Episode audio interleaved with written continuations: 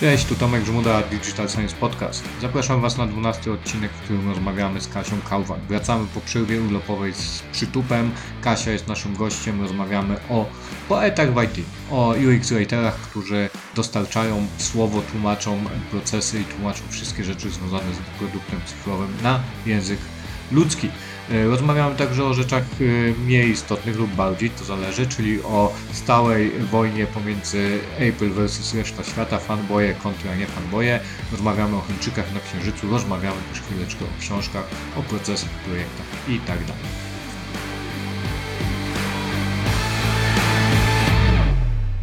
Hej, cześć, witajcie. Tutaj Digital Science Podcast. Witamy w dwunastym odcinku. To jest bardzo fajny, bardzo ważny odcinek, ponieważ mamy po raz pierwszy w programie podcastowym gościa. Tym gościem jest Kasia e, Kałwak. Pomyliłem nazwisko Kasiu, czy dobrze przeczytałem? nie, więc jesteś w mniejszości.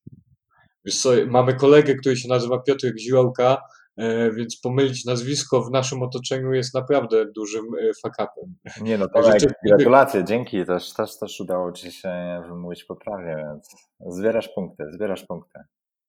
Tak jest. Cześć Piotrek, jak już się e, wciąłeś, witaj także. Dzisiaj jesteśmy we trójkę, będziemy sobie rozmawiać o rzeczach bardzo ważnych, bardzo przyjemnych, o UX ratingu, ale zanim do tego dojdziemy, oczywiście musimy powiedzieć o kilku rzeczach. Piotrek powie o swoich rzeczach związanych z, eventami, którymi, którymi się piastujemy. Ja natomiast muszę dodać, że e, jak słuchaliście 11 odcinka, to e, wiecie na pewno, że jesteśmy partnerem e, Product Design Magazine i pojawiamy się tam jako stała kolumna. Jak, wiecie, jak w Timesie prawie, nie? W Stanach mamy swoją stałą kolumnę podcastową, gdzie, gdzie są nasze, nasz jeden odcinek jest opisany, streszczony i jest odnośnik do do odcinków. Bardzo się cieszymy z tej współpracy. Jeżeli nie słuchaliście tego odcinka, no to musicie oczywiście przesłuchać.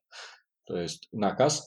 E, tutaj e, wracamy tymczasem do prawidłowego i naszego zwykłego, naszej zwykłej ramówki, czyli Kolejno, najpierw witamy się wszyscy, po czym opowiamy, opowiadamy o tym, co się wydarzyło na świecie, w, w, w świecie technologii, e, UX-a, produktu cyfrowego, a także o tym, co tam nas grzeje albo ziemi. Być może ja mam, być może e, Piotrek i nasz e, dostojny gość Kasia też ma jakiś fakap, żebyśmy mieli gdzie żółć wylać. No i przechodzimy do tematu odcinka, którym jest w tym tygodniu UX Writing, czyli jak słowo pisane czuje się w otoczeniu technologii i biznesu. To co, gotowi? Gotowi. Gotowi. No to y, Kasiu, czy chciałabyś powiedzieć jakiś news, czy, czy chcesz, żeby ktoś z nas przetarł ci tą ścieżkę po raz pierwszy? To ja zacznę od pytania. E, nie wiem, czy oglądaliście wczoraj WWDC e, i prezentację iOS 14. Ja tak zerkałam jednym okiem bo pytam, bo nie wiem, czy jesteście w teamie, że to jest najważniejsza konferencja od lat, czy raczej w teamie, że powtórka Androida sprzed 5-6 lat, coś tam, coś tam. E, wiesz co, ja, ja dzisiaj oglądałem tak naprawdę i to był jeden też z moich newsów. E, trochę tak, trochę powtórka może z Androida, ale też um, pokazują, że idą w stronę trochę kustomizacji i to może być ciekawe z punktu widzenia użytkownika. Mhm, tam jest ten case tych y, takich skrótów do aplikacji, nie? Tak, i widgetów. Wydaje mi się, że mnie tak. zainteresowały widgety, bo one były faktycznie schowane na tym ekranie bocznym po lewej stronie i szczerze mówiąc ja z nich za bardzo nie korzystałam i wiem, że to w Androidzie jest jakby standard i to, to jest e, używane. Natomiast ja na swoim e, iPhone'ie nie używam e, za bardzo widgetów. One teraz będą na ekranie głównym i jestem ciekawa, jak to wpłynie na, na designerów aplikacji i jakie to da im możliwości i jak wpłynie w ogóle na użytkowanie aplikacji. Jakby mając te podstawowe informacje w zasięgu ręki, może tym chętniej będę chciała zostawić daną aplikację na moim telefonie, ale może rzadziej będę ją odwiedzała, bo te najważniejsze informacje będą na wyciągnięcie ręki. Ale wiesz co, to może być taki kasus jak yy, taki kasus blika troszeczkę, e, że możesz szybko podręcznie z widgetu dokonać jakiejś czynności, która ci jest kluczowa, nie wiem, jedziesz w metrze, trzymasz się jedną ręką za ucho i musisz wysłać szybko przelew, bo ci jutro prąd odetną, albo jeszcze tego samego dnia, nie? Więc to może być fajne. Ja natomiast jestem z obozu najgorszego, bo ja mam chiński telefon i jeszcze na Androidzie. także, także to nie jest. Co prawda w pracy pracuję na maczku. Natomiast e, no śledzę, bo muszę śledzić jako projektant. Yy, stosunek mam, jaki mam do, e, do iOS-a i te wszystkie amazingi i te wszystkie innowacje, które się tam wylewają z tych ekranów, to jest po prostu, jak się tak zdroworozsądkowo patrzy, no Najlepsza rzecz, która wydarza się co roku. Tak, Tomek, jesteś fanem, po prostu jeszcze nie kupiłeś, bo czekasz na najnowszą wersję. E, wiemy o tym wszystkim, więc czekaj do świętego Mikołaja, mo, może coś tam przyniesie. Nie Czyli na przykład ty jesteś hejterem, bo Ach oglądanie konferencji to jest jedno, ale czytanie potem tych artykułów i komentarzy pod artykułami to jest przygoda numer dwa. To jest to... Tak, tak, tak. A ja, wiecie, co ja najbardziej lubię? Ja najbardziej właśnie lubię y, czytać, bo ja mam, y, na równi traktuję Androida i iOS-a, bo to są moje narzędzia do pracy, jakby do robienia rzeczy, nie? więc muszę je dobrze znać i muszę z nich korzystać. To, czy mam e, telefon na, e, czy mam iOS-a, czy mam Maca, czy mam Windowsa, tak naprawdę w detalach, do detalów to się sprowadza, to są tylko narzędzia, nie? E, ale najlepszą rozgrywką jest jak, jak właśnie się wchodzi i się czyta komentarze iOS versus Android albo Xbox versus e, PlayStation, to też jest, nie? I najczęściej jest e, tutaj team, tutaj team i, i wojna na argumenty, mówiąc brzydko, z dupy, bo to, do tego to się sprowadza tak naprawdę. Jeżeli ktoś chce korzystać, jest fanboyem, no to lepiej dla niego, nie? E, ja, ja wracając jeszcze do tej konferencji, mi się bardzo spodobało Apps Library, bo, bo zawsze no, mam ten problem, że mam kilka podstron tych aplikacji, staram się je grupować, ale z czasem wychodzi tak jak wychodzi, czyli e, jest mały Saigon.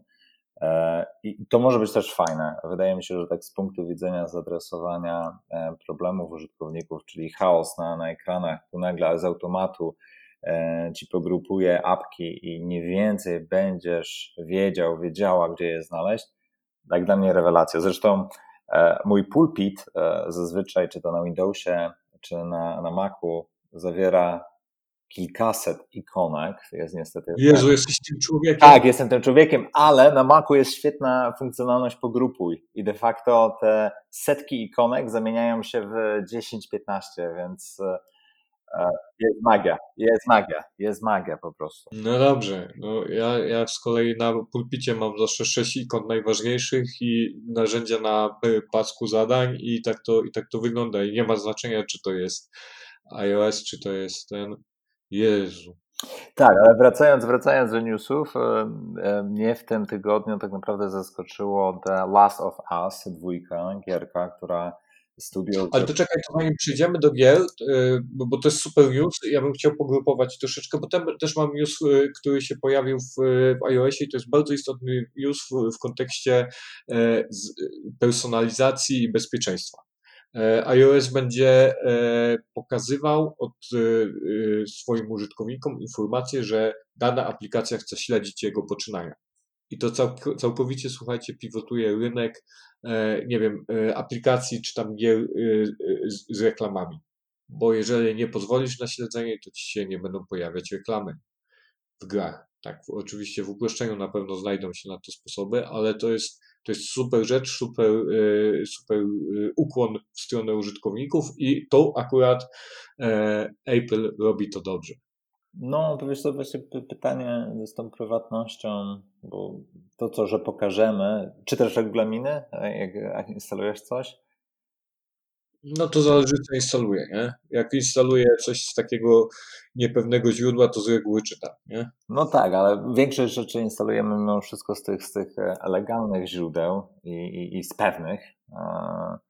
E, I, i, I tutaj no ja się troszeczkę boję, że ta prywatność chyba już jest dawno E, złamana i Wiadomo, to jest nasza waluta, nie? Teraz obecna, chyba najcenniejsza.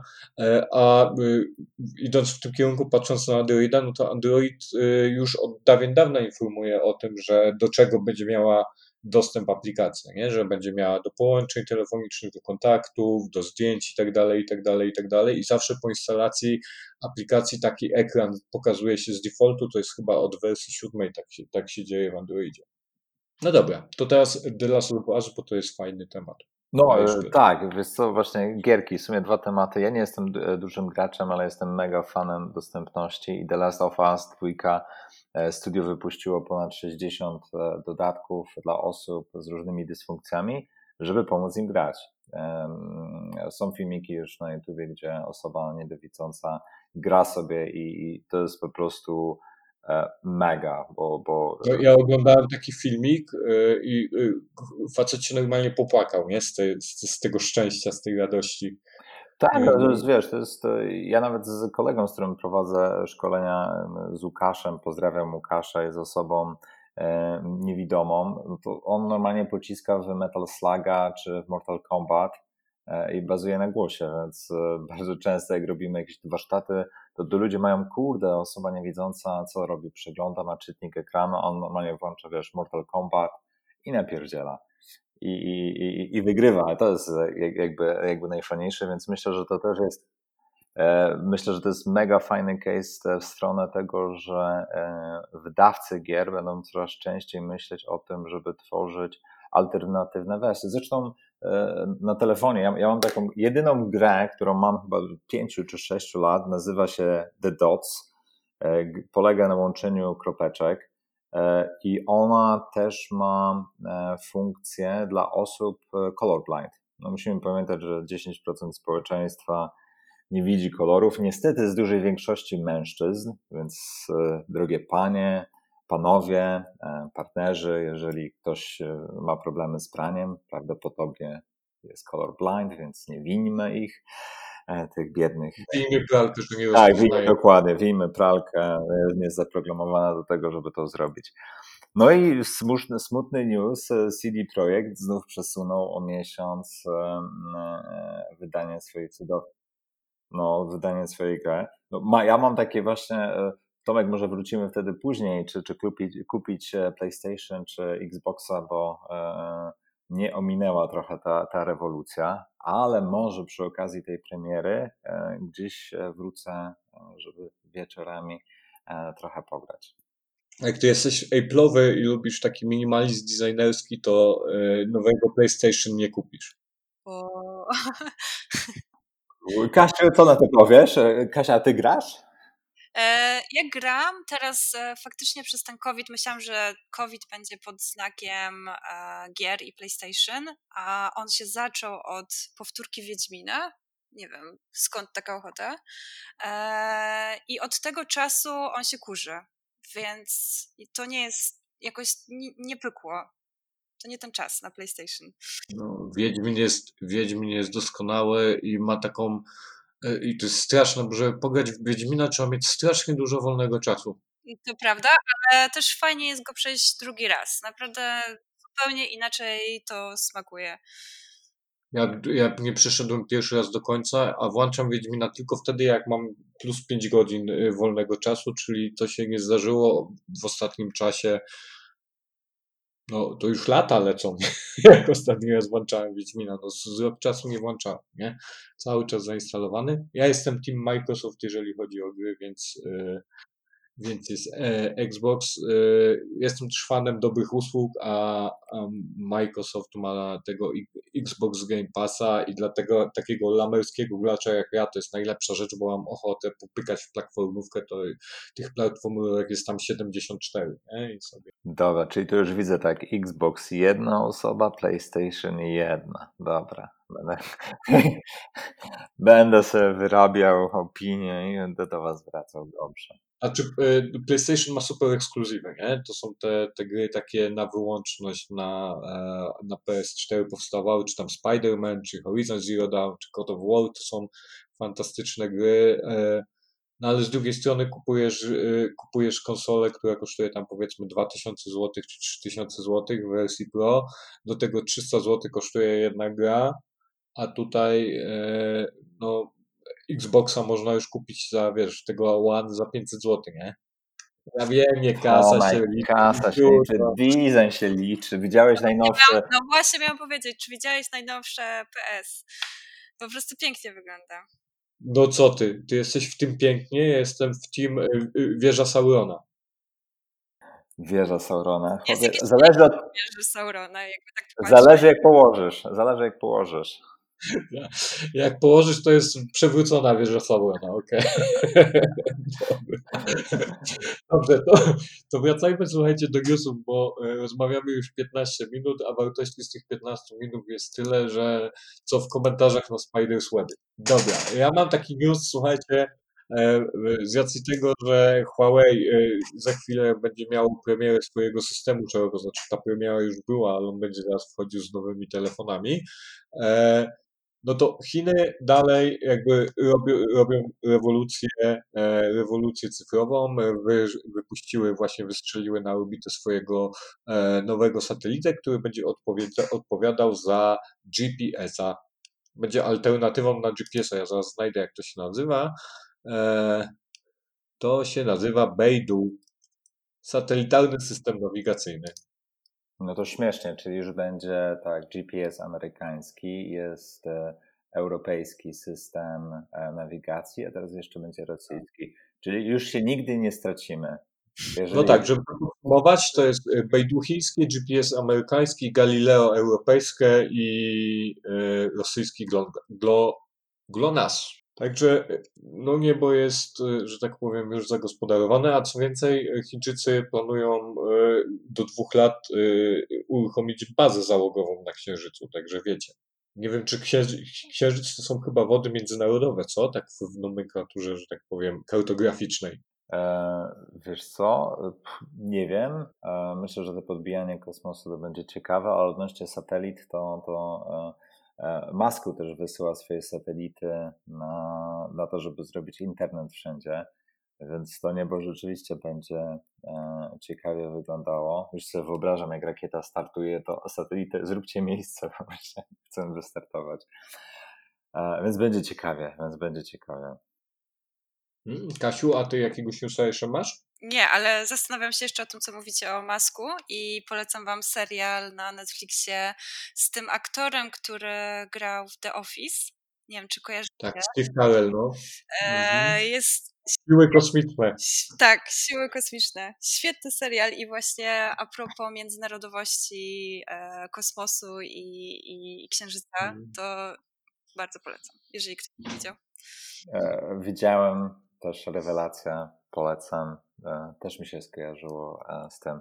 A jeszcze z takich ostatnich newsów to e, Susan Weinschik, zawsze nigdy nie wiem jak ją wymówić, ale ta aktorka od książki 100 rzeczy, które powinien wiedzieć designer, wypuszcza właśnie drugą edycję swojej książki, gdzie dorzuci troszeczkę na temat Voice Matter, i myślę, że warto tą książkę zamówić, bo 10 lipca już można zrobić preordery na Amazonie.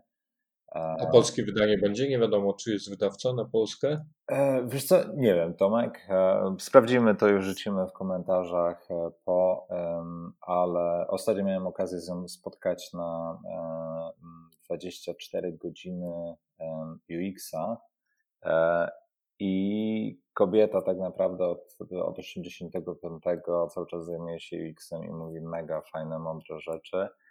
Um, I według mnie warto. Ja już, ja już zamówiłem swoją, książkę, więc czekam, jak ciepła wyjdzie z drukarni i zobaczymy, e, co dodała w wersji, wersji drugiej. No to okej, okay, to ja Ci w takim razie od razu zobliguję, żebyś się przygotował i nagrał recenzję tej książki. Oj, oj, oj, oj, oj. Dobrze, Tomku.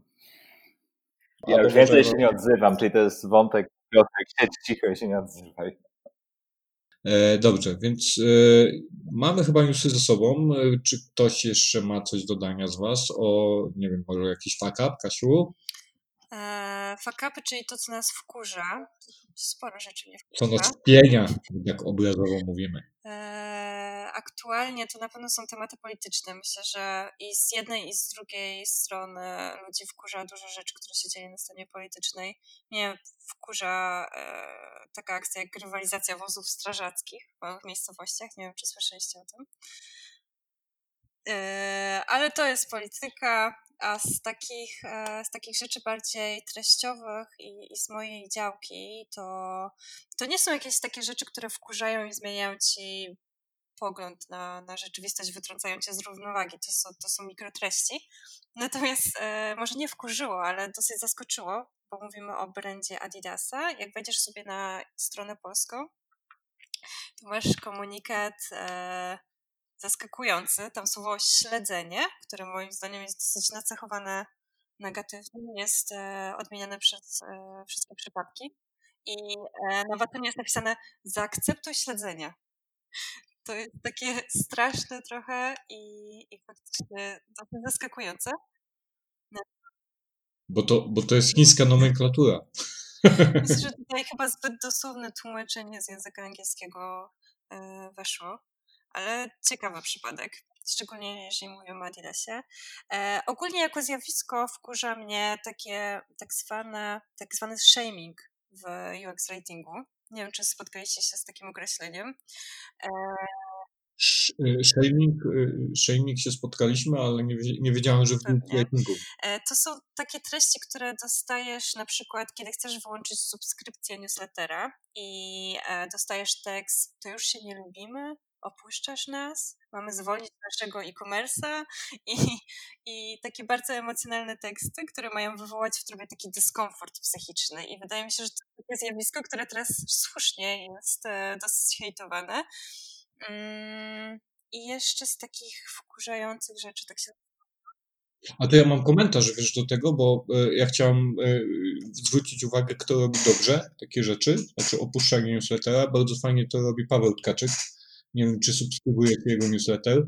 On w ogóle ma tam e, taki mechanizm, że jeżeli e, przez miesiąc nie odbierasz, nie, nie odczytasz jego newslettera, to on przysyła, no to trudno, nie czytasz, zawsze możesz się napisać, zapraszam później i to jest ekstra, e, ale też ma, jeżeli, jeżeli odsubskrybujesz, no to też nie, jakby nie obraża się na ciebie, tylko mówi, no to może następnym razem, nie? Taka fajna historyjka tam jest zbudowana. Zresztą to koleś od storytellingu, także o czym my tu rozmawiamy. Historia. E, jeszcze jedna taka rzecz, tak sobie myślę teraz, która mnie na maksa wkurzyła i jest w sumie w temacie tematu podcastu, musiałam złożyć wniosek o niezaleganie e, ZUS-owi, jeżeli chodzi o składki, taka standardowa tam procedura. I po pierwsze wtyczka flashowa wymagana, która chyba zostanie wyłączona do końca roku, z tego co dzisiaj czytałam. E, po drugie cały proces masakra, masakra. Dawno czegoś takiego nie widziałam. No, y, strony, strony z, z domeny gov są w Polsce to, to jest dramat. Y, ja y, dość spory wątek poruszałem. Dzisiaj miałem takie szkolenie z produktów cyfrowych, jak to wygląda, jak wygląda Agile, jak wyglądają te wszystkie rzeczy związane z dostarczaniem, wytwarzaniem produktu cyfrowego i muszę wam powiedzieć, że ten temat stron rządowych jest bardzo bardzo elektryzujący, nie? bo to jest za nasze pieniądze, wiesz, naszego nie ruszajcie, e, nasze zróbcie lepiej jak należy. I ja próbowałem się wytłumaczyć skąd to się dzieje, nie, absolutnie nie usprawiedliwiać, ale wytłumaczyć skąd to się dzieje. I e, przywołałem taki przykład, że to robią, słuchajcie, specjaliści, i tylko i wyłącznie specjaliści. To są ludzie z wąskiego, e, z wąskiego gardła, z wąskiej branży i oni robią tak, jak potrafią. I gdyby dać im projektantów i zrobić multidyscyplinarny zespół, który im otworzy i dać proces projektowy, pozwolić im na ten proces projektowy, który pozwoli zbadać te rzeczy, to, to, to te rzeczy wyglądałyby dużo, dużo lepiej. No i to jest taki dług, że tak powiem, biznesowo-technologiczny, który się ciągnie już od lat i on jest wyrównywany teraz, bo nie wiem, czy składaliście e, na podatki GOV e, nową deklarację. Tamten serwis jest super przyjazny. Nie? Jest, Wiesz, Tomek, chciałem właśnie trochę obronić, bo ja trochę działam w, w tym sektorze public i, i, i, rzeczywiście zmienia się dużo. To jest to, o czym ty mówisz, że e, w dużych serwisach, nawet gov.pl ma mega fajny zespół UX-owy i, i e, tak, ekipę tak, dostępności. E, ale, ale rzeczywiście są takie dinozaury tutaj wspomniane, trzyliterowy tak. dinozaur, który już trochę, trochę żyje i przydałoby mu się lekkie odświeżenie i wejście w XXI wiek. Ale zmienia się. Myślę, że tak naprawdę. Zmienia się, zmienia się, musi się zmieniać, słuchajcie, a jeszcze w kontekście to, co nam przyspieszył COVID, w kontekście w ogóle transformacji cyfrowej, że tak powiem, globalnej, E, w kontekście procesów i usług, no to tutaj wszystko przyspiesza i tożsamość elektroniczna i tak dalej, i tak dalej, nie? To są rzeczy, to jest taki must have, no i z tego co wiem, to te zespoły e, przy Ministerstwie Cyfryzacji tam bardzo ciężko pracują, żeby, żeby te rzeczy się działy, no ale wiecie, to są, to muszą być rzeczy, to dla, dla naszych drogich słuchaczy właściwie, bo wy wiecie, nie? E, że to są rzeczy, które no, wymagają czasu. Y, wyrównanie i spłacenie długu, który już jest, a był zaciągany przez dziesiątki lat, no, no to musi potrwać, niestety. No to dobra, to słuchajcie, to lecimy z tematem. Y, ja tylko przypominam, że naszym gościem jest Kasia Kałwak. Kasia jest UX writerem. Y, Kasiu, czy to się mówi jakoś po polsku? Pisarzem doświadczeń użytkownika? To jest to jest fajne, poetą doświadczeń albo poetą IT. E, nie ma, nie ma odpowiednika, ale też nie zamykałabym się tak bardzo w tych, e, w tych pojęciach i UX writer, copywriter, content designer, to się bardzo przeplata i, i fajnie, że się przeplata. Dobra, e, ja przypominam tylko, że Tematem tego odcinka jest, drodzy słuchacze, UX Writing, czyli jak słowo pisane czuje się w otoczeniu technologii i biznesu. E, I teraz jest, Kasiu, 5 e, minut dla Ciebie, albo 6, albo 10, albo ile potrzebujesz minut dla Ciebie, żebyś się tutaj nam przedstawiła przed milionami Witam słuchaczy. Witam miliony słuchaczy. E, kilka słów o mnie. Mm, jestem UX writerką i copywriterką od dobrych 8-9 lat. Mam doświadczenie zarówno korporacyjne, jak i czysto agencyjne. Jakoś tak wyszło czysto naturalnie, że w moim doświadczeniu zawodowym te agencje przeplatają się z korporacją. Taki, taki powiedzmy zdrowy płodozmian. E, raz właśnie korporacja, raz, raz agencja. I myślę, że to daje taki fajny balans, tak jak mieszkanie w Warszawie i Krakowie, gdzieś tam pół na pół.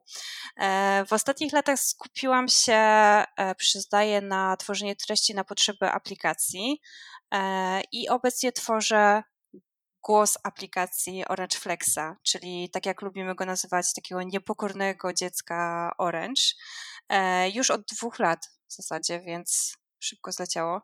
E, właśnie gdzieś pomiędzy Warszawą a Krakowem e, mm, buduję ten głos, trochę pracując zdalnie, teraz, teraz w, w 100%, ale na co dzień pół na pół z, z Warszawą. Super.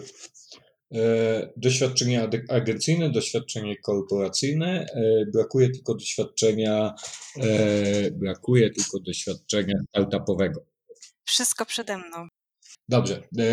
Kasiu, bo my będziemy wypytywać Ciebie na różne okoliczności świata UX-owego słowem pisanym ubranego i ja tylko może przypomnę, Piotrek, co, w jakich kierunkach my będziemy patrzeć. Jako podcast mamy do, sprecyzowaną grupę docelową. Tych grup jest kilka. Dwie główne to jest jedna taka dla biznesu, czyli e, będziemy starać się dowiedzieć od Ciebie, jak ten biznes e, w fazie wzrostu, takim e, MŚP, małe, średnie przedsiębiorstwa mają sobie radzić ze słowem pisanym e, i z tego, jak patrzymy na internet, to jest na pewno problem, bo, bo to jest dużo e-commerce'ów, które pisze różnie, e, komunikuje się różnie, ten tone of voice jest zaniedbany często, e, a drugi, drugi mm, wątkiem to są osoby, które chcą się zaczepić e, blisko technologii, blisko biznesu, chcą swoją ścieżkę kariery wymodelować właśnie w kierunku projektanta doświadczeń użytkownika i już abstrahuję od tego, że jakby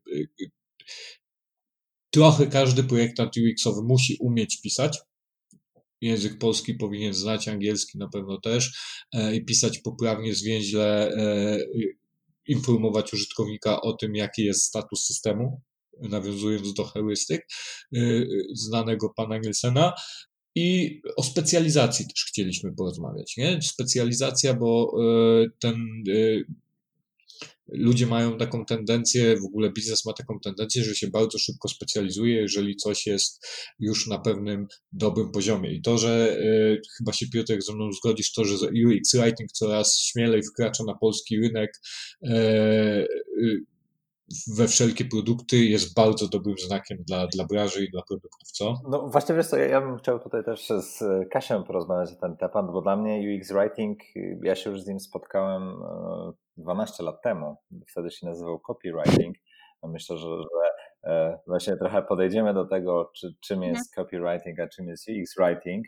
E, e, no, dla mnie to jest trochę inna nazwa.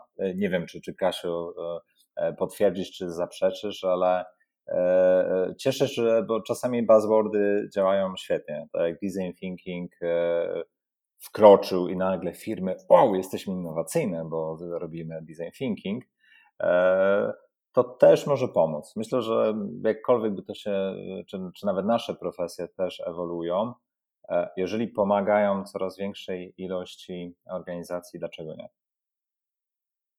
Dokładnie tak. Super, świetny komentarz. E, Kasiu, no to zacznijmy od, od biznesu. Powiedz mi, co musi przedsiębiorca, właściciel biznesu, właściciel produktu, decydent w jakimś tam produkcie, co musi mieć pod ręką, żeby dobrze skroić treści i jak to robić? E, może zacznijmy od tego w ogóle, czym jest UX Writing, bo on jest, w zasadzie mówiłeś tutaj, że kilka lat temu już spotkałeś się z tym pojęciem, może, może bardziej od strony copywriting, copywritingu. Natomiast sam UX writing jest e, bardzo młodym pojęciem e, i myślę, że taka pewność w głosie wypowiadana przez, e, przez UX writerów powinna być dosyć stonowana, bo, bo jest to młoda dziedzina, pewne rzeczy testujemy, specjalizujemy się, coraz lepiej poznajemy e, swoją branżę, efekty badamy to, e, coraz lepiej współpracujemy z zespołem biznesowym, z UX designerami i z programistami, ale ja jeszcze nie powiedziałabym, że ktokolwiek może nazywać się na przykład senior UX writerem, bo tak jak mówię, to jest proces, to jest młoda branża. Tych stanowisk nawet w Polsce nie jest, nie jest dużo i możliwości do rozwinięcia się w tym zakresie nie jest jeszcze, nie, nie jest jeszcze tak dużo. Ale z, może porozmawiamy o tym w ogóle, czym jest UX Writing. E, I potem przejdziemy do tego, jakie, jak, jak wykorzystać ten potencjał. Więc tak na bardzo, bardzo, bardzo ogólnym poziomie można powiedzieć, że to jest tworzenie treści dla produktów cyfrowych, ale takich treści, które prowadzą użytkownika w określonym kierunku. I to są takie treści, które spotkacie mm, podczas rejestracji, podczas, nie wiem, onboardingu, e, podczas e, zakupów, poznawania e, nowej aplikacji, czy nawet zakładania firmy przez, przez internet. I te treści tworzy się dla danego ekranu zawsze i mamy do wykorzystania dany komunikat i potencjały informacyjne, ale w przypadku UX Writera zawsze tworzy się ten komunikat w, patrząc na całe flow, czyli na fragment danej ścieżki użytkownika. Czyli e, przechodząc do jakichś e, konkretów, to w aplikacji nie stworzymy dobrego success screena, czy face screena, czy czy po prostu ekranu błędu, mówiąc po ludzku, e, po płatności bez spojrzenia na całą e, ścieżkę zakupową użytkownika. To znaczy, możemy to ubierzmy może to w przykład, bo, bo takie y, mówisz o ekranach, a to jest dosyć abstrakcyjne, jednak, tym bardziej jak się tego słucha, e, to odwzorujmy sobie może ścieżkę, odwzorujmy sobie ten flow. E, myślę, że dobrym przykładem jest mhm. akurat onboarding, który wymaga wypełnienia jakichś tam rzeczy. Nie?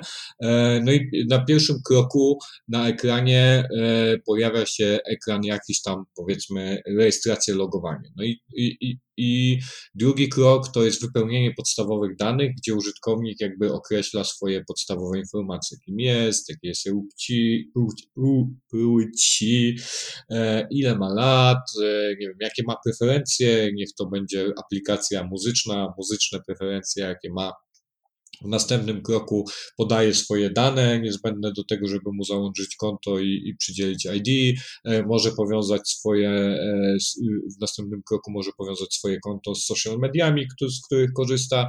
E, no i później ma ekran powitalny, taki dashboard, gdzie gdzie są podstawowe informacje z tego, jak może korzystać z aplikacji i co po kolei, co, jakie, ta, jakie możliwości da mu ta aplikacja. No i teraz jaka jest rola tutaj UX Writera. Więc każdy onboarding aplikacji ma swoje takie momenty bólu i on pożera tak naprawdę uwagę użytkownika, jego czas i energię. Kiedy on na przykład ściąga aplikację, e, to ma już e, jakby inwestujemy jego zaciekawienie, bo przyciągnęliśmy go do aplikacji, on zdecydował się na ten um, heroiczny ruch, żeby ściągnąć naszą, naszą aplikację i ten wysiłek musimy mu jakby zrekompensować, bo e, jego uwaga na początku będzie dosyć skupiona faktycznie na nas. Przeczytał super opis aplikacji w App Store, widzi fajną ikonkę, skusiła go jakaś tam e, fajna reklama, e, która do niego trafiła, więc on jest zainteresowany produktem. Natomiast my w tym początkowym okresie, kiedy właśnie chcemy pozyskać od niego te informacje, o których wspomniałeś, e, prosimy go o maila, prosimy o wypełnienie danych, wybór jakichś informacji, zgody marketingowe.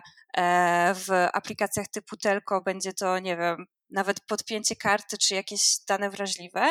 I w tym momencie e, powiedzmy, że dostajemy jeden ekran, w którym użytkownik, e, w którym UX Writer po prostu ma go wypełnić treściami i może to zrobić. I, i powiedzmy, że część użytkowników przejdzie dalej, bo on wygląda tak, jak większość ekranów w aplikacji. Natomiast e, badania i życie pokazują, że użytkownicy mają wiele blokad i wiele problemów i też ich zainteresowanie bardzo szybko się wyczerpuje. E, jeżeli chodzi o zgody marketingowe, prywatność, o której mówiliśmy na początku e, naszej rozmowy, mm, użytkownicy mają bardzo wysoką świadomość tego, że to jest oddawanie czegoś cennego od siebie. No i właśnie rolą UX Writera jest to, żeby tą treścią minimalizować te obawy, e, a z drugiej strony zachęcać do przejścia dalej, do wytłumaczenia mm, kluczowych elementów, po co je potrzebujemy. I ja mam taki case, który, który lubię powtarzać. To jest weryfikacja tożsamości. E, jak wam to brzmi? Takie sformułowanie, weryfikacja tożsamości. E, wiesz co, ja akurat jeżeli chodzi o weryfikację tożsamości, e, to dla mnie to jest typowy buzzword, bo ja przez ostatnie niemal dwa lata pracowałem przy, w produkcie finansowym E, i robiłem leasing online i ta weryfikacja tożsamości e, jest e, odmieniana była u nas przez wszystkie przypadki i też mieliśmy spory problem o tym, jaką nomenklaturę dobierać w kontekście jakby zweryfikowania tej tożsamości, w kontekście całego procesu, który też jest niełatwy, co mówić, jak wykonać, do czego dane rzeczy są potrzebne. No i nie skończyliśmy tego, bo się z filmem. To, to my mamy tak, że u nas weryfikacja tożsamości wygląda tak, że masz e, dokument tożsamości i selfie i system porównuje pewne kluczowe e, punkty, które są bardzo charakterystyczne dla twojej twarzy i dzięki temu jest w stanie Mm, jakby sprawdzić, czy jesteś właścicielem tego dokumentu, czy osoba z selfie to jest właściciel na przykład dowodu osobistego. No i e, cała ta funkcjonalność e, to jest od paru lat, nie wiem, używa tego Airbnb, e, chyba Revolut i na całym świecie już to nie jest taką nowinką. Natomiast e, w Polsce jeszcze są duże obawy e, że o co chodzi, że, że robię sobie zdjęcie, że jakiś system porównuje, że, że to są mega prywatne rzeczy. I co to, to wyszło nam z badań oczywiście, że ludzie się tego boją. E, ten ekran nazywał się przed, e, przed obróbką copywriterską właśnie weryfikacja tożsamości. I ludzie podczas badań e, praktycznie wszyscy rezygnowali. Mimo tego, mimo że wiedzieli, że to jest na potrzeby badań, tylko i wyłącznie, że tutaj nie będzie prawdziwego selfie i nie dadzą swojego dowodu osobistego, to oni powiedzieli nie, dobra, nie, nie idę dalej, nie ma mowy. Czemu? No bo tu będziecie coś weryfikować, sprawdzać, brzmi to strasznie. Eee, no i to było właśnie na początku projektu, kiedy dołączyłam i zmieniliśmy tylko i wyłącznie nagłówek z weryfikacji tożsamości na hasło potwierdź, że ty to ty. E, na coś bardzo, bardzo prostego. I sama byłam zaskoczona. E, wcześniej dwie osoby na dziesięć e, były w stanie z obawami, ale przejść dalej, a to się odwróciło dokładnie tak, że 8 na 10 e, nadal z jakimiś tam pytaniami, ale już o wiele chętniej e, przeszło ten krok i poszło, poszło dalej, więc kurde, e, to pokazuje tylko i wyłącznie to, że jeden headline, parę słów i efekt jest w tak ważnym kroku przy rejestracji, e, ten krok e, jest związany oczywiście ze sprzedażą, z sukcesem całej aplikacji, bo bez tego nie pójdziemy dalej. Zwykły headline może, może bardzo dużo. A ja może takie zadam pytanie, e, bo, bo, często właśnie młodzi adepci e, czy biznes myśli, że UX to jest, przyjdzie czy UX writer, czy UX designer, pokoloruje, zrobi fajny tekst w jeden dzień i będzie zabawa.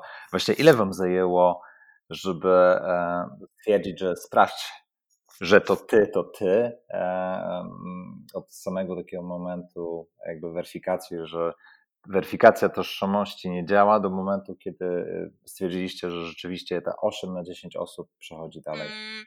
Wiesz co, to, to nie jest kwestią chyba czasu, bo e, to, żeby stwierdzić, że w tym momencie jest problem, to było widać. Testowaliśmy konkretne, konkretne takie ścieżki e, zamknięte e, bardzo często i to było, to było super. Ja byłam zaskoczona, jak dołączyłam do, do tego produktu, jak często i na jak wielu osobach testowaliśmy drobne zmiany w, w aplikacji.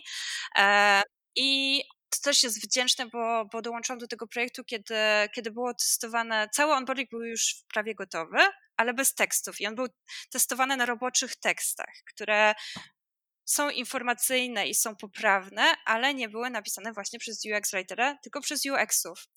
I to dla mnie też była naprawdę solidna lekcja, żeby porównać sobie te, te robocze teksty. Miałam już gotowe te pain issue e, klientów, gdzie oni się tam blokowali, z czym mieli problemy, na co zwracali uwagi. Ja miałam konkretne problemy do rozwiązania, więc o tyle mi było łatwiej, że ta cała praca analityczna została już wykonana. I e, jakby dostając konkretny problem do rozwiązania jest, jest o wiele łatwiej. Bo e, patrząc na weryfikację tożsamości, mogłam domyślić się, że te dwa skomplikowane i długie słowa są jakieś zgrzytem i tutaj trzeba by było coś popracować. Mhm. Ale ja troszkę wsadzę kij w mrowisko, bo e, jak e, słuchają nas ludzie, którzy mają swój biznes albo mają działy marketingu, to za chwilę powiedzą, kurka, przecież tym wszystkim to powinien się zajmować marketing. Nie po to ktoś wymyślił tone of voice, nie, kto, nie po to ktoś pracował nad tym, że komunikacja ma być usystematyzowana w jakiś sposób, albo wydaje się komuś, że ma usystematyzowaną w jakiś sposób, żeby przychodził ktoś i nam mieszał w aplikacji. A co jak nam się to nie będzie sprawdzać, nie? E, I to myślę, że w kontekście tych, tego obszaru MŚP, gdzie naturalnie jakby rodzą się silosy między działami i to y, one się robią, bo każdy ma swój obszar, sprzedaż ma sprzedawać, marketing ma pozyskiwać, produkt ma dostarczać. Jakby te silosy tak troszkę naturalnie się tworzą. E, powiedz mi, jak to, jak to się powinno rozwiązywać? Jak ta komunikacja przebiega na linii marketing, komunikacja taka e, ogólna firmy, e, a no a produkt w warstwie e, Nie powiem Ci, jaki jest, jaka jest na to idealna recepta. Myślę, że, że nikt nie ma takiej idealnej recepty. Powiem Ci, jak to się sprawdza u nas i, i to mi się mi się podoba. E, wygląda tak, że marketing jest dla mnie takim drogowskazem i, i on mi mówi o tonacji, od niego dostaję kluczowe benefity, od niego wiem, jak wygląda komunikacja, jak, jak będziemy się komunikować na przykład z daną nową funkcjonalnością, na co e, chcemy zwrócić uwagę.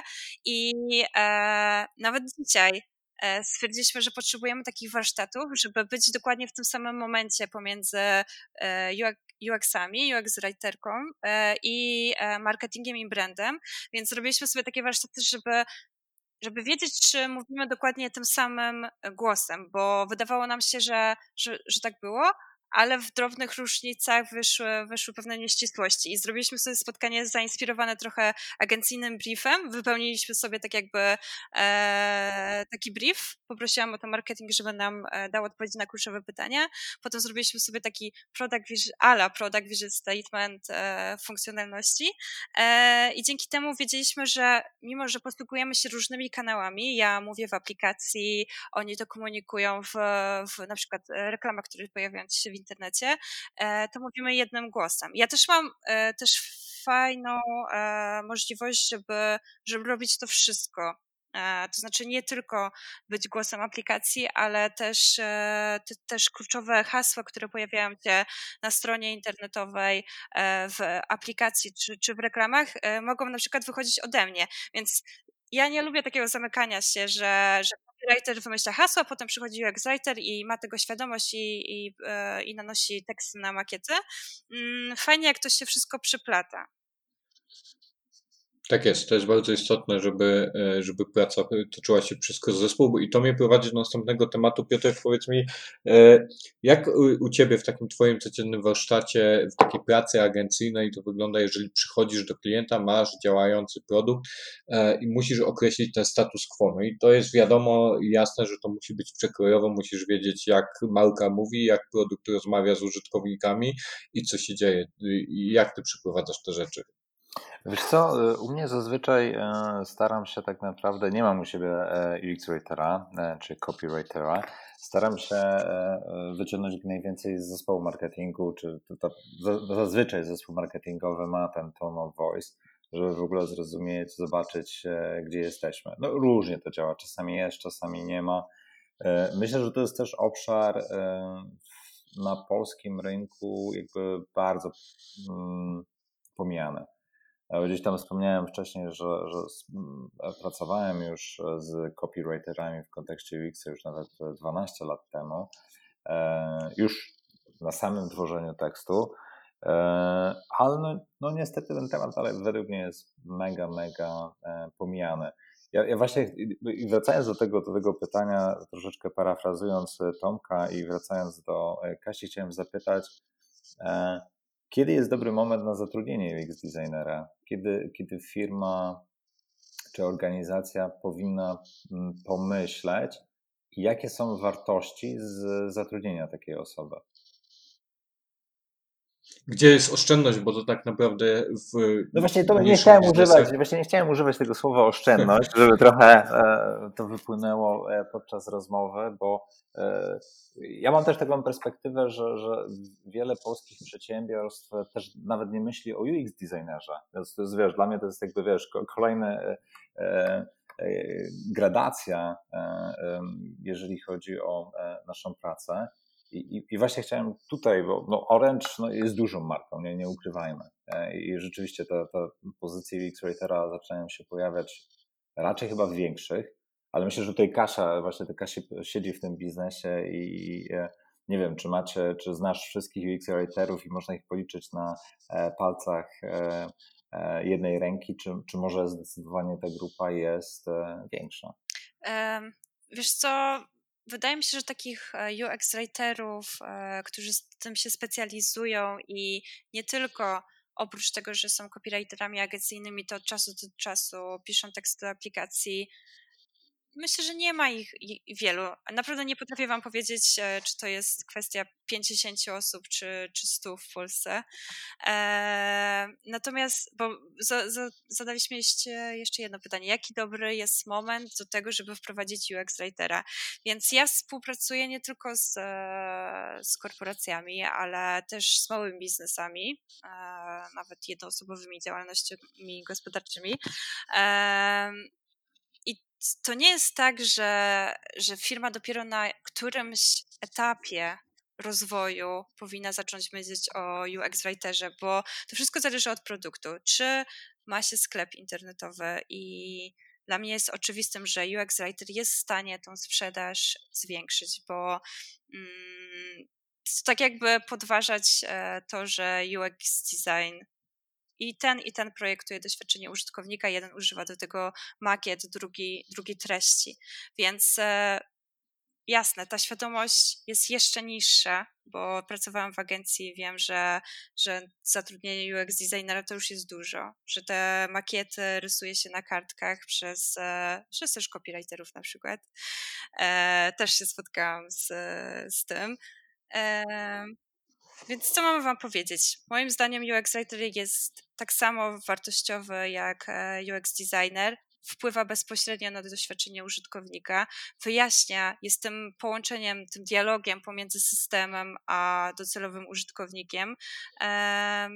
wpływa bezpośrednio na sprzedaż w procesie zakupowym, czy to w sklepach, czy, czy w, w, w aplikacji.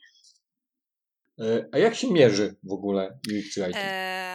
No, bardzo, bardzo różnie, bo dobra, powiedzmy, że mamy sklep e, internetowy, bo za, tak wyczułam, że Was to interesuje. To, to też może być dosyć częsty, częsty case. No i e, takie batony nie wiem, dodaj do koszyka, przejdź dalej i tak dalej. To są takie naturalne, zamknięte drzwi dla użytkownika i on musi mieć pewność, że, wie, co tam dalej się znajduje. Eee, I to nie jest miejsce na bycie tak do końca kreatywnym. To jest miejsce dla treściowca, żeby nawet tym krótkim tekstem na batonie, czy teraz są takie click triggers to jest taki trend w UX writingu, czyli takie podpowiadajki, które są e, dookoła batona, albo nad, albo pod, albo obok, które trochę ci tak podpowiadają, że tam będzie ok, tak trochę cię e, klepią po ramieniu, że, że na pewno wiesz, co robisz, bo tam e, na przykład już domykasz transakcję. Mhm. Czyli dodaj do koszyka. Jak dodasz do koszyka, to będziesz szczęśliwy. Eee, no raczej to, że masz e, tak, na pewno wysyłka jest za 0 zł, albo tak, na pewno masz 30-dniowe prawo zwrotu. Eee, takie dodatkowe benefity, które upewniają cię w tym, że chcesz e, to zamówić. No i e, tak jak dobry, dobry UX, e, dobry design jest w stanie też wpłynąć na doświadczenie. Tak samo te treści bezpośrednio e, pomagają użytkownikowi w podjęciu decyzji i w przejściu dalej, e, czy w zakupie, czy w rejestracji, cokolwiek nie jest naszym celem w danym momencie. A czy masz taką e, liczbę, żeby się pochwalić właśnie, co się stało po czy to Twojej współpracy, czy innego UX Writera, którego znasz, właśnie po zmianie takiego kopii na, na stronie, ile ta sprzedaż się zwiększyła? To była 2-3%? Czy, czy mm, przechodowość się zwiększyła? Nie mam e, danych w złotówkach. To byłoby ciężkie do uzyskania, nawet z tego powodu, że jeżeli e, dana osoba, właściciel firmy decyduje się na to, żeby zatrudnić UX writera, to zwykle wiąże się z tym, że wcześniej zdecydował się zatrudnić e, w końcu grafika i UX-a do tego, żeby poprawić, poprawić wygląd strony i bardzo rzadko zdarza się, że ktoś w, w jakimś tam dosyć ciężkim e, momencie zastanawia się, okay, to zacznę transformację od lepszych treści. Raczej to jest e, wszystko powiązane i to jest wynik różnych decyzji e, i dojrzałości danej firmy, niż bezpośredni wpływ danego słowa na, na sprzedaż. Ja mogę Ci powiedzieć o tym, jak UX, jak treści wpłynęły na rating aplikacji.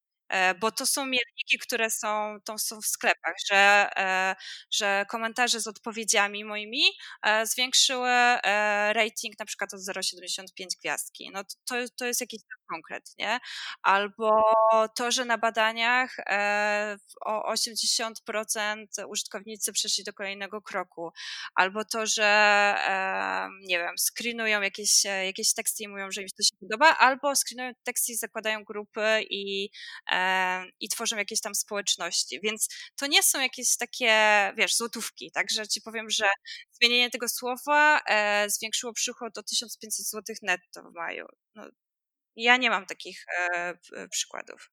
Ale te przykłady, te przykłady, które podałaś, są chyba wystarczające do takiego zmierzenia, jak, jak to funkcjonuje, jakie ma przełożenie na, E, na konwersję też pośrednio, nie? I na wizerunek, na, na, na markę. Ja też e, nie, nie, nie pracowałam przy sklepach internetowych, a myślę, że byłoby to wtedy łatwiej zmierzyć po prostu zakończonymi transakcjami, jeżeli nic innego się nie zmieniło i sobie testujemy, że e, baton na przykład się zmienił, albo jakiś tam opis nad batonem, no to wtedy mamy jeden do jeden, nie? Zwiększył się sprzedaż o, o 10% i, i to jest konkret. No, ja, ja, pamiętam też taki case e, z, z instytucji finansowej, gdzie robiliśmy landing page i pamiętam, że zmieniliśmy jedną rzecz. Na początku był e, przycisk e, weź kredyt i nikt to nie klikał, bo każdy się bał, że po kliknięciu e, już weźmie i wiesz, będzie po ptakach e, i, i, zmieniliśmy to wtedy na e, zostaw dane, coś takie bardziej, bardziej neutralne i rzeczywiście ta konwersja no, no, skoczyła, więc ten no, writing czy copy jest jakby niezwykle ważne. A tak ciągnąć... Ja mam w ogóle, jeszcze chciałbym tylko dodać, bo ja mam w swoim otoczeniu kilku projektantów, którzy będą twierdzić, że ludzie nie mhm. czytają. I, I, chciałbym zostawić to taki, jako taki wiszący, e, wiszący smrodek i, i, i chciałbym usłyszeć, co Zgadzam się i się nie zgadzam. E, ludzie generalnie nie czytają i wszyscy wiemy dlaczego. Mm, jesteśmy bombardowani informacjami. E, ja sama e, coś piszę, słucham podcastu i oglądam Netflixa jednocześnie, e, więc e, no nie ma opcji, żeby, znaczy jakby nie mam aż takiego ego, żeby myśleć, że te wszystkie teksty, które umieszczam w aplikacji, one są czytane. Ale są czytane w jednym momencie, kiedy użytkownik ma z czymś problem i to jest mega ważne, bo jeżeli on ma z czymś problem albo coś musi doczytać, to wtedy ten tekst jest jedynym nośnikiem informacji i jedynym triggerem do tego, żeby on jednak nie wycofał się z tego procesu, czy przeszedł dalej, czy żeby mu coś wyjaśnić, więc on tam musi być, nawet jeżeli część e, osób go nie czyta. E, a teraz e, ta część, w której się nie zgadzam z tym zdaniem, robiliśmy ostatnio redesign trochę naszego landing page'a i zrobiliśmy takie fajne badanie na małej próbie, ale udostępniliśmy ten, e, ten projekt e, różnym osobom. Nie wiem, tam chyba 200 osób finalnie wypełniło ankietę, co o tym myśli, o treściach, o, o grafikach, o układzie treści itd., tak itd. Tak I to, co wyszło, to właśnie to, że w zależności od kontekstu, ty czasami potrzebujesz więcej informacji. To znaczy, jeżeli chcesz się zainteresować, to wystarczą ci sexy headline, żeby, żeby przykuć Twoją uwagę i mniej więcej sprzedać ideę, ale jeżeli już na przykład e, chcesz zdecydować, czy wybierzesz daną ofertę, to Ty potrzebujesz tych wyrazów, tych informacji do tego, żeby poczuć się bezpiecznie, że tutaj jest wszystko wyjaśnione. E, jeżeli to będzie napisane generycznie, lakonicznie lub zbyt krótko, to spoko, fajnie ci się to przeczyta, ale na koniec nie klikniesz kup albo nie, nie przejdziesz e, na daną ofertę. I i, ty, I właśnie z tych ankiet, o, o których wspominałam, e, wyszedł wniosek taki, że ludzie w niektórych miejscach potrzebują właśnie bardzo dużo informacji, które sobie sami będą scrollować i selekcjonować i, i wybierać e, pod siebie. Piotr, jak masz coś do dodania w tym temacie?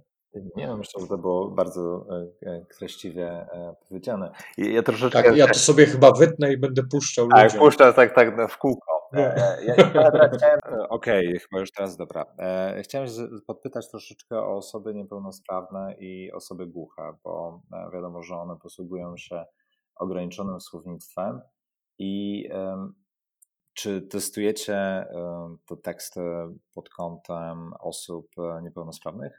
Powiem Ci tak, że to jest jakby w naszym backlogu i chcemy, chcemy rozwijać ten temat, bo e, dostajemy głosy, głosy, że mogłoby być lepiej w tym temacie. I e, nie chcieliśmy tego znaczy wiadomo, fajnie by było to zacząć od początku, ale też zaczęliśmy z, z takim myśleniem, że ten produkt musimy najpierw, e, on musi obrać swój kształt.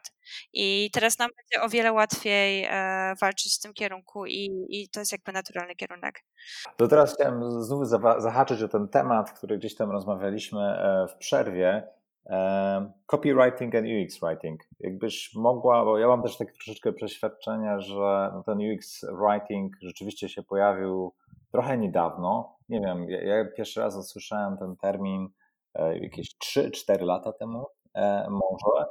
E, choć ja zawsze z mojej perspektywy zawsze się starałem e, współpracować z ludźmi, którzy e, no, budowali te teksty, bo wiadomo, że jako projektant napisałem tekst, który wydawał mi się po angielsku fajny, gramatycznie ok, ale kiedy przechodziłem do copywritera, mówię, Piotrek, no wiesz, chyba nie do końca, ale to też było e, fajny taki cały ekosystem, że my to testowaliśmy, weryfikowaliśmy i też zajmowało nam to sporo czasu, żeby e, rzeczywiście dobrać odpowiednie słownictwo e, dla branży, którą, którą kierowaliśmy. Na przykład ja dużo poświęcałem tego tematu w branży finansowej i dom no jest różne grupy odbiorców. E, I może właśnie takie pytanie znów za copywriting, UX writing, jak możemy powiedzieć, jakie są różnice? To, to ja od razu, Kasiu, podbiję to pytanie, bo to jest bardzo podobne, żebyś dwa razy nie, e, nie mówiła. E, ja mam, e, mnie interesuje demografia kompetencji. UX Writera, nie? To się bardzo mocno wiąże z, z tym pytaniem pewnie, które, które powiedział, o, o, którym powiedział Piotrek. Ta demografia kompetencji i ewentualnie skille, które trzeba nabyć, jeżeli jestem po kursie UX-owym, na przykład, nie? Czyli przeszedłem cały proces e, taki prawilny UX-owy wytwarzania produktu cyfrowego, dostarczania, badania i tak dalej, i tak dalej. Co ja muszę nabyć, żeby pisać może nie perfekcyjnie, ale pisać dobrze. Dobra, mam nadzieję, że was nie zawiodę, bo od razu powiem, e, że strasznie nie lubię przywiązywać się do tych pojęć. UX writing, content designer, microcopy. E, jakoś tam w literaturze jest nazywane, że UX writing należy do UX designu, a copywriter do marketingu, że copywriting to jest sprzedaż, UX design to jest doświadczenie, że nie wiem, e, copywriting to są sexy words, a UX writing to są simple words. No ja się kompletnie, znaczy może nie, że kompletnie nie zgadzam, bo rozumiem skąd e, takie podziały one muszą e, jakby nastąpić, żeby było łatwiej zrozumieć, czym się różni copywriting od UX writingu. Natomiast nie rozumiem, e, czemu coś simple nie może być jednocześnie sexy. To jakby. E, Z reguły jest. Właśnie. Więc moim zdaniem copywriting to jest jeden obszar, to jest tworzenie treści reklamowych, sprzedażowych, atrakcyjnych, kreatywnych, przyciągających użytkownika, do tego, co do tego się zgodzimy. Natomiast UX writing jest dla mnie w tej bańce właśnie copywriterskiej, jest takim mniejszym, e, mniejszym obszarem, który jest po prostu jego specjalizacją, czyli tworzeniem mikrokopii e, na potrzeby nie wiem, strony czy, czy aplikacji, tego dialogu pomiędzy systemem a użytkownikiem. Natomiast to nie znaczy, że UX writer nie będzie doskonałym copywriterem i czy copywriter nie może być e, UX writerem. I mówiliśmy o tym, że UX writing to jest właśnie takie IT dla poetów i bardzo mi się podoba to określenie, bo tak, z jednej strony łączy coś bardzo, bardzo technicznego, związanego z systemem, z, z kodem. Można tak e, bardzo górnolotnie powiedzieć, że UX writer daje temu E, kodu, e, ten kod e, zaczyna mówić jakimś ludzkim, bardziej zrozumiałym głosem i łączy te bardzo techniczne aspekty z czymś tak kreatywnym, jak, e, jakim jest treść. I e, tak jak poezja, UX writing jest też bardzo mocno skondensowane. Każde słowo ma znaczenie i, e, i ono ma znaczenie ze względu na cierpliwość użytkownika, ten ograniczony czas, to, że on rzadko co czyta albo tylko skroluje tekst wzrokiem i ze względu na miejsce, bo batony, dashboard, ekrany sukcesu czy ekrany błędu, tam nie ma miejsca na epopeję, tam czasami mamy 28 znaków, e, albo i mniej i ma być prosto, ma być informacyjnie, a jednocześnie atrakcyjnie. E, I właśnie o tym ostatnim aspekcie nie, nie, jakby nie zapominałabym. E, to nie jest domena copywriterów, by, by pisać fajnie i, i przyciągająco. To jest domena wszystkich twórców treści. Szczególnie ważne jest to dla UX writera, który zajmuje się doświadczeniem, bo tak jak sobie popatrzymy na całe nie wiem, całą ścieżkę użytkownika aplikacji, od onboardingu przez pierwsze użycie aplikacji po regularne użycie, te emocje są w nim bardzo różne. E, raz e, musi coś od siebie dać, czyli na przykład swoje dane, swoje zgody, raz coś dostaje, tu jest success, tu jest fail, tutaj serwujemy mu błędy, e, czyli towarzyszymy temu użytkownikowi w różnych momentach emocjonalnych i ta tonacja tego tekstu musi jakby za tym nadążać i niwelować pewne rzeczy, czy podbijać podbijać, więc wręcz, wręcz przeciwnie te emocje, e, żeby poszły w górę. Nie wiem, odpowiedź na pytanie. Ale pytałaś jeszcze o kompetencje. E, I też po, po jakimś Design Waysie czy po konferencjach sporo UX-ów e, pyta się, jak zostać UX writerem. I znowu mam nadzieję, że Was nie rozczaruję, bo nie ma takiego przepisu, nie ma takiego kursu, książki, którą można przeczytać i magicznie zostać UX writerem.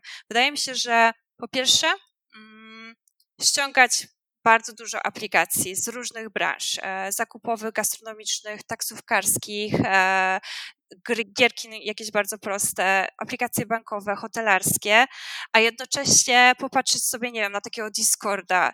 Nie wiem, kto robi polskie teksty do Discorda, ale ja go uwielbiam, tego gościa czy tą laskę, bo, bo są świetne. E, są dopasowane do grupy docelowej, są śmieszne, a jednocześnie mega jasne i proste. Są takie aplikacje jak e, Blackbox, to jest taka gierka, gdzie, e, która wykorzystuje jakieś tam systemowe możliwości telefonu, gdzie musisz rozwiązać jakieś zagadki myśląc nieszablonowo. Jeżeli chodzi o mikrokopii, tam no, no genialnie. E, czy jakiś Goodloot, czy jakieś, e, czy jakieś e, paczkomaty. Są świetne aplikacje, gdzie można czerpać fajne, fajną inspirację, zobaczyć jak oni sobie radzą z rejestracją, z notyfikacjami, nie wiem, z, z opisami jakichś tam produktów i tak dalej. Dodatkowo e, wszystkie opisy produktów na opakowaniach, nie wiem, znaki drogowe, tablice informacyjne, wszędzie tam, gdzie w takiej e, w outdoorze musisz e, skondensować informacje, przekazać w ZUSie. ZUSie też. Ale najlepszy tip wydaje mi się dla takiego początkującego UX writera to znaleźć sobie dewelopera, E, który na początku jest na przykład na początku swojej ścieżki kariery e, i chce wypuścić swoją aplikację, nie wiem, do, do tego, żeby e, mierzyć zużycie wody, czy motywować cię do picia większej ilości wody, czy, czy temperatury i tak dalej, i tak jakąś, jakąś tą swoją eksperymentalną aplikację, no i napisać mu te teksty i zobaczyć, jak one wyglądają e, na produkcji, jak ludzie na nie reagują, pokazać aplikację mamie, e, koleżance z pracy i komuś jeszcze z jakiegoś innego środowiska, zobaczyć, czy się uśmiechnie w tych momentach, w których ma się uśmiechnąć, a w tych, co ma zrozumieć, zrozumie. I to jest, to jest mega fajne, żeby zobaczyć swoje teksty w akcji, jakby. I jeszcze, jedna, jeszcze jeden tip, e, jak e, we wcześniejszych filmach prowadziłam jakieś warsztaty copywriterskie i to jest szczególnie fajne w e, korporacjach, gdzie dostaje się różne maile z bardzo zawiłymi zdaniami łączącymi e, sprawy techniczne, biznesowe i, i, takie, takie życiowe. I starałam się wybrać takie najdłuższe, koszmarne zdania od nie wiem, analityków czy, czy z biznesu. I, e, jako zadanie na takich warsztatach było w kilku iteracjach skrócenie tych, tych koszmarków językowych w takie właśnie pigułki informacyjne. Tak, e, zgodnie z zasadą Twaina, że, że pisanie jest bardzo proste, jeżeli wiesz, które słowa skreślić. E, I na koniec e, dostajesz właśnie to. to... To, jest, y, y, to jest bardzo fajny, bardzo lubię ten cytat z Twaina. Ekstra jest.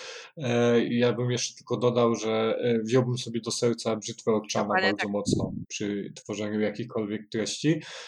Zdania wielokrotne złożone, złożone to jest zło. A powiedz mi, czy Czy y, książkę byś jakąś poleciła, żeby zdobyć tego skilla? Bo e, ja wiem z doświadczenia, troszkę, troszkę piszę i pisuję, e, to są raczej teraz więcej z racji tego, że mamy podcast, muszę pisać te wszystkie clickbaitowe rzeczy, żeby ludzie to czytali i robiły się zasięgi. Ale wiem, że no to jest y, y, tak jak organ, trzeba go ćwiczyć i ten mięsień trzeba, że tak powiem, żyłować, żeby, żeby on dawał, e, dawał radę. E, no i są pewnie różne pozycje, które można by przeczytać o tym, jak pisać prosto, nie wiem, to może być poradnik Sapkowskiego o pisaniu książek strzelam na przykład, nie? Nie wiem, czy masz takie zło, złote, złote pozycje. nie mam takiej papierowej, to jest bardzo smutne. Wspominaliśmy o Tkaczyku, zawsze będę polecała i, i warto przeczytać. E, Narratologię? Narratologię też. Ja jeszcze bardzo długo byłam związana z grywalizacją i e, jego książka grywalizacji też, też jest super i, i, też polecam. Może trochę nie w kontekście UX writingu, ale generalnie zaangażowania użytkownika. E, to jest bardzo, bardzo wdzięczny temat, ale to na osobny podcast grywalizacyjny. E, ja najczęściej czytam e, jednak treści cyfrowe, jeżeli chodzi o, tutaj zdobywanie wiedzy, jakieś UX Planety, Medium.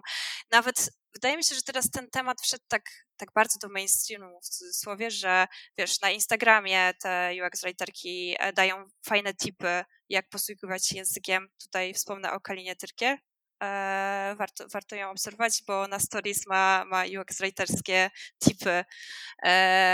I to jest też ciekawy środek komunikacji, żeby, żeby takich rzeczy się uczyć. Natomiast jest mnóstwo książek, bo chyba to będzie strasznie banalne, ale UX writer, copywriter, twórca treści i designer po prostu musi czytać i to czytać różne rzeczy, poznawać e, inne sposoby e, myślenia, e, różne gatunki literackie. Myślę, że to, to, no to jest banał, ale, ale to się sprawdza. Ja lubię czytać e, słowniki terminów literackich. E, takie stare też, w takiej szablonowej formie, ale teraz e, wychodzą też takie napisane bardziej swobodnie i które, nie wiem, czy Bralczyk, czy właśnie e, słowo obraz terytoria e, parę miesięcy temu wydał taki ilustrowany słownik terminów literackich i to jest, to pokazuje jak dane słowo jak dane słowo można się bawić, jakie ono ma różne znaczenia. Buduje wiedzę literacką, buduje wiedzę językową, myślę, że bardzo poszerza umiejętności komunikacyjne i też pozwala patrzeć na, na słowa, na, na litery, dane wyrażenia z różnych perspektyw. I, i, I to może jest e, taka teoria, teoria, ale samo, e, samo tego czytanie i to jest jakieś ćwiczenie też językowe. Tak jest, ja się totalnie zgadzam, a jeszcze do tego, jak dodamy sobie taką e, przyswajanie e, tonu danej publikacji, to na, za chwilę się okazuje, że po przeczytaniu dobrej książki pisanej staropolskim językiem lub osadzonej w jakichś średniowiecznych tych zaczynamy mówić waść, mości panie i tak dalej i wplatamy to do codziennego języka i to jest to jest w ogóle fantastyczne. Nic tak cię nie zindoktrynuje podświadomie, jak dobra książka z dobrym Dokładnie tym. Tak. No dobrze, Piotrek, od ciebie coś jeszcze? Chciałbyś się... E, wiesz co, ja bym chciał znów takie e, może pytanie, e, jak wygląda twój dzień pracy jako UX writer? Może to będzie interesujące dla ludzi, którzy nie wiedzą jak działa, bo ja mam takie doświadczenia, że copywriter powinien być częścią zespołu, powinniśmy się bawić, brać udział w testach, ale może jesteś w stanie przytoczyć, jak wygląda taki typowy dzień UX writera od kawki aż do wieczora po winko i przejażdżka fajnym e, samochodem. 34 godziny na e, leżance, żeby myśleć o jakości słowa. E, no ja właśnie po, po liceum chciałam być takim Donem Draperem z barkiem z whisky i jakoś to, to było takim triggerem zawsze, żeby zostać dyrektorem kreatywnym, ale jak nim zostałam, to, to powiem wam, że fajnie być UX writerem. To, naprawdę. Przynajmniej dla mnie. Mam takie przemyślenia, że, że jakby rzeczywistość weryfikuje też, też marzenia. E, każdy dzień jest inny, to, to, jest banał, ale, ale tak to wygląda. Ktoś mi e, kiedyś powiedział, zaglądając przez ramię, mm, miałam otworzonego sketcha i mam w ogóle ten dark mode e, wiecznie włączony i, I te ekrany były w danym flow porozkładane, że ja gram w pasjansa w pracy, bo tak to wygląda z daleka, że mam takie porozkładane małe białe okienka i po prostu sobie układam. No tak to trochę wygląda. I też starałam się wytłumaczyć to mojej babci, na czym polega moja praca. Naprawdę jest to bardzo trudne. Bardzo trudne. Na co dzień wypełniam. Co powiedziałaś babci, tak zaczynając? Co powiedziałaś babci? E, ja nie powiedziałam, że udało mi się to wytłumaczyć. E, moja babcia po tej rozmowie i po tym całym trudzie powiedziała, że koleżance, że a, Kasia jest dziennikarką, pisze teksty do gazety. Super. A papier umiera powolutku. Pa, papier. Ja, ja też starałem się kiedyś wytłumaczyć e, dziadkom, czym się zajmuję i e, chwyciłem po analogię do architekta, że ja coś rysuję, inni budują, ja od czasu do czasu weryfikuję, czy, czy idziemy w stronę. To zadziałało, to zadziałało, więc teraz e, babcia nosi mówi, że Piotrek jest architektem. E, to ja z kolei zawsze mówię, jak już tutaj takie wyznania mamy, ja z kolei zawsze mówię, że dzięki mnie korzystasz z telefonu. O, Dobra. No, że, no, że, no, i, to, i, i to jest I takie. I w, I w rodzinie funkcjonuje jako programista z tego powodu. Dobra, wracając tym wątkiem do, do tematu typowy, typowy dzień e, e, Kasi jako UX-writer. Mm, powiem Ci tak, e, załóżmy, że tak jak dzisiaj, rozmawialiśmy o nowej funkcjonalności, która pojawi się w aplikacji, która jest skierowana do, no można powiedzieć, że kompletnie nowej grupy docelowej i tak jak Wam wcześniej mówiłam, okazało się, że trochę wszyscy w zespole mamy trochę inną wizję tej funkcjonalności, jakie są jej cele i zrobiliśmy takie warsztat na muralu, że, że właśnie sobie wypełnialiśmy jakby brief agencyjny. To pierwszy raz e, stwierdziłam, że zobaczymy, jak to, jak to wyjdzie. E, I e, marketing odpowiadał nam na pytania, jak to się stało, że w ogóle ta funkcjonalność powstała, jakie są cele. Teraz to wygląda tak, a w przyszłości może rozwiniemy się w tym kierunku. Naszą grupą docelową jest, jest taki użytkownik, chcemy, żeby on w jakby patrząc na konkurencję, pomyślał sobie to i to i zrobił to i to. No takie jakieś takie naj, naj, powiedzmy najprostsze rzeczy, które, takie kluczowe, które musimy być e, w jednym miejscu, żeby, żeby to projektować jako UX-owiec, UI-owiec i, i copywriter.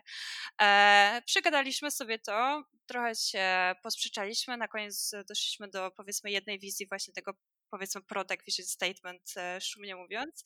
E, potem e, co można powiedzieć, że na tej podstawie e, UX e, na przykład wypracowuje e, krótkie flow, które przedstawia da, ideę danej funkcjonalności, której ja dostaję. I powiedzmy, że to jest taki dzień, że UX mówi, że, że mogę sobie już ściągnąć tego sketcha, ja go odpalam, on mi, jeżeli to, to jest nic skomplikowanego, no to już nawet bez komentarza jestem w stanie po tym pierwszym spotkaniu e, załapać o co mu chodziło, albo on mi przedstawia swoją wizję i dostaję jakby zestaw ekranu, które układają się w daną ścieżkę użytkownika. Czy to jest, e, nie wiem, wstąpienie do klubu Flex, czy wybór e, czegoś i zakup i tak dalej, i tak dalej.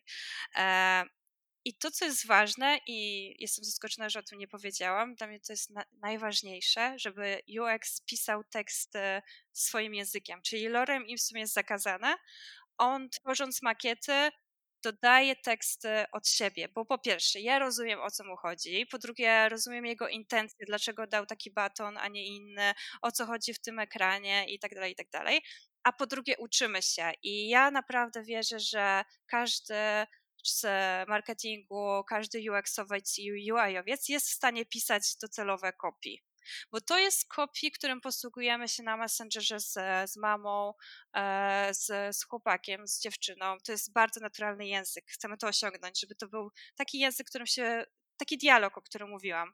Ten dialog pomiędzy systemem a użytkownikiem to już nie jest tak jak w latach 90. E, czy 2000. Um, nie jest on technologiczne. To jest rozmowa człowieka, projektanta z człowiekiem, użytkownikiem. E, I od kiedy nie stosujemy tego lorem ipsum i, i ten język flexa jest dosyć charakterystyczny, to ja mam straszną satysfakcję, kiedy widzę, że te teksty zaczynają być flexowe. Dostaję teksty e, próbne e, z marketingu czy teksty od UX-a i one czasami są takie, że mogłabym je zostawić mniej więcej w takiej formie, jak są. I to jest właśnie jakby cel tego, żeby, żeby tworzyć razem coś fajnego, bo ja nie mam jakby takiej legitymacji tylko i wyłącznie do tworzenia tekstów. Ja mogę, e, ja mogę bardzo chętnie po prostu e, chciałabym, żeby ta wiedza była e, dystrybuowana. Bardzo fajnie, że to powiedziałaś, bo ja też zawsze mówię i tłumaczę, nawet kursantom, adeptom, nie? że y, jakby celem projektanta jest dążyć do tego, żeby inni wykonywali za ciebie robotę. W grupie siła, w grupie siła. A czy to tak, też jest ten, to jest, też jest, fajnie, że o tym mówisz, bo, bo rzeczywiście to nie jest, nie, nie, działamy jako jednostki, to jest to mimo wszystko praca grupowa e, i bardzo często to te UX UX nie tylko pracuje z innymi UX-ami, ale tak naprawdę z całą firmą i, i z użytkownikami, więc no mega. Też, e, dodaję te teksty i nie wiem, na koniec dnia e, mam ochotę na to, żeby poodpowiadać na, na te dziesiątki komentarzy, które są na przykład na sklepach. E, nie wiem, jest do poprawienia tekst, e, tekst oferty na stronie, bo coś tam jest niezrozumiałe dla, dla użytkowników. Czasami też e, dzwonimy do naszych użytkowników, to jest super. Jeszcze ja tego nie zrobiłam, ale, ale ludzie z zespołu dzwonili do konkretnych użytkowników aplikacji. Cześć, jestem projektantem tej aplikacji. Co sądzisz o tym i o tym? I wydaje mi się, że to jest, to jest mega super i nam e, też e, bardzo zmienia perspektywę. Dla mnie każdy taki kontakt z użytkownikiem i brzmi to dosyć górnolotnie, ale, ale po ostatnich badaniach mam, e, mam taką myśl, że, mm, że te badania sprowadzają nas e, na ziemię i uczą pokory. Bo fajnie jakby e, każdy twórca, czy, czy designer, czy właśnie projektant treści był trochę niepokorny. Ja e, jakby cenię sobie tą cechę, że jakby nie boję się wyjść poza jakieś tam schematy, um, użyć słów, które mogą być no może nie kontrowersyjne, ale przy, przykuć uwagę i jakiejś tam części osób może um, za bardzo zwrócić uwagę, ale wolę iść w tą stronę i potem to weryfikować, um, niż być jakby zawsze w jednej linii, tak jak powinno się robić i, i to kopisz by było całkowicie transparentne. Natomiast badania sprowadzają e, na ziemię i dają właśnie taką pokorę.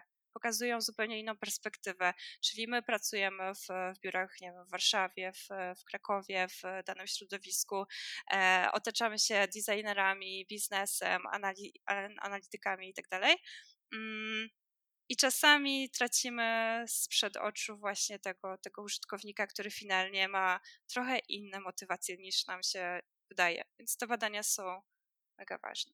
Super, to ja myślę, że y, Piotrek, masz coś jeszcze? No nie no, Kasia skończyła badaniami, więc to jest fajnie, ale to UX Writer robi po godzinach. No nie uciekniemy, nie uciekniemy od tego pytania. No właśnie to, to jest okropne, że wracamy już chyba trzeci czy czwarty raz do tego wina, ale no, branża kreatywna jest e, skażona tym i powiem wam, że szukam takiego pomysłu i, i takiego narzędzia i sposobu ekspresji, i raczej mojego zainteresowania winem z copywritingiem. To by było idealne połączenie. E, wiesz co, jest taki, mm, jest taki strona, nie wiem czy znasz Winezję, Winezja to jest taki serwis z winami, e, a Edisondę znasz, bo jesteś z Krakowa. E, no to Edisonda projektowała Winezję i oni ta, i, i, to ja tam pracowałem wtedy w Edisondzie, tam Ania, E, już nie pamiętam nazwiska w tej chwili, Ania, która e, była projektantą, bardzo zwracała uwagę, żeby e, opisywać te wina. I tam te opisy są takie kwieciste, że na rosną, rosną szczepy na zboczu jakimś tam, gdzie jest wapienie i tak dalej, i tak dalej ja nie, nie jestem w stanie tego wymyślić teraz, ale polecam wyjść na Winezję. To projekt ma kilka lat, ale podejrzewam, że nic się nie zmieniło e, i akurat do wina to super pracuje, ten taki, e, pasuje ten taki e, renesans słowny, nie? Mm, tak, tak mi się wydaje, tak, takie mam poczucie. Wina że... też wiąże się z daną sytuacją, z, z emocjami, z tym, czy wiesz, z pewnym charakterem i no, no mega się łączą te dwa tematy, więc no tak, fajnie by było łączyć te, te dwa hobby w jedno a przy tym nie popaść w alkohol. Ja nawet otworzyłem bardzo znane wino włoskie, bo, bo e, też niestety zaliczam się do grupy osób, które e, próbuje i częstuje i tutaj zacytuję barwa likieru waha się od zielonych akcentów młodych cytryn do jasno-żółtych, dojrzałych owoców. Piękny, po prostu um, idę do sklepu i zamawiam butelkę E, Myślę, że to jest idealne podsumowanie e... copywritingu i, i, i wina. Dobrze, słuchajcie, to będziemy puentować. Wyszło nam bardzo długo. Ja nie wiem, czy nie podzielimy tego na dwa odcinki. Zobaczymy, jak, jak to się będzie słuchać. Ale chyba nie. A co tam? Niech sobie radzą, niech słuchają. Dobre, do, dobre rzeczy tutaj się wybrzmiały. E, ja bym chciał spuentować, tak spuentować, e, podsumowując to wszystko, co powiedzieliśmy, e, troszkę takim może Mm, tonem e, w cudzysłowie mentorskim, e, pamiętajcie, drodzy słuchacze, jeżeli e, macie swój biznes, macie produkt, który operuje bardzo dużo słowem, a to jest chyba większość produktów i biznesów, pamiętajcie o tym, żeby komunikować się z, w obrębie zespołu z ludźmi, którzy się tym słowem parają, żeby wdrażać te dobre praktyki i komunikację na tym poziomie takim e, werbalnym czy tam czytanym, w takim e, prostym e, użyciu, popełniać błędy, eksperymentować, mierzyć i wyciągać wnioski, bo to chyba jest klucz każdego, każdego dobrego produktu. Ja mam tyle. Ty jeszcze, Piotr, chciałeś powiedzieć o wodzie, a nie powiedziałeś, umknęło ci. E, tak, coś chciałem powiedzieć tak. E, startujemy, tak, ogłoszenie parafialne. Nasz cudowny podcast jest partnerem medialnym. Wód Wrocław, czwarta edycja we Wrocławiu już 8 października. Będą mega fajni goście z zagranicy. W tym roku wersja online, ale myślę, że też będzie ciekawa, bo troszkę się uczymy jak robić rzeczy online. Dla mnie to jest też niesamowita przygoda, bo wydawało mi się, że coś tam e, online zrobiłem, trochę rzeczy, ale ta sytuacja covidowa totalnie obróciła 180 stopni i, jednak e, muszę się jeszcze dużo, dużo e, nauczyć w kwestii organizacji, nawet warsztatów online od A do, do Z, bo jest to trudne. Na pewno będziemy mówić troszeczkę o Wód Wrocław więcej. Będziemy wspierać e, w tym roku. Myślę, że zrobimy osobny program. Tak, będziemy wspierać się, tylko jeszcze tak słowem, będziemy wspierać się pomaga, więc e, będą cegiełki w 100% e, przekazywane na cel charytatywny. Więc e, jak tam. A już wiesz, jaki cel? Już masz wybrany ten cel? E, wiesz co, to uczestnicy będą decydować. E, będziemy mieć trzy różne cele. Się pomaga, jak jest oficjalnie naszym partnerem i, i każdy będzie mógł wybrać. Myślę, że każdy z celów, które znajduje się na się pomaga, jest ważny, więc dołożymy małą cegiełkę do różnych celów. No dobrze, tu powiedz jeszcze od razu y, tak szybciutko, zanim będziemy, y, przeniesiemy się na osobny program w tym temacie, kto będzie takim gościem, kto będzie gwiazdą albo gwiazdami, y, osobami, które, których będzie warto posłuchać i no warto i będzie z nimi. Jedną z gwiazd, którą mogę już zdradzić, będzie Mark Stigdorn, e, twórca e, książek e, na temat serwis designu. Więc będzie bardzo, bardzo fajnie, będzie bardzo kreatywnie. Mark, który zgodził się e, dać wykład, który jeszcze nigdzie na świecie nie był opublikowany, e, trochę z racji COVID-a, więc pierwszy raz będzie miał swoją wizję na e, What Usability Day we Wrocławiu 8 października.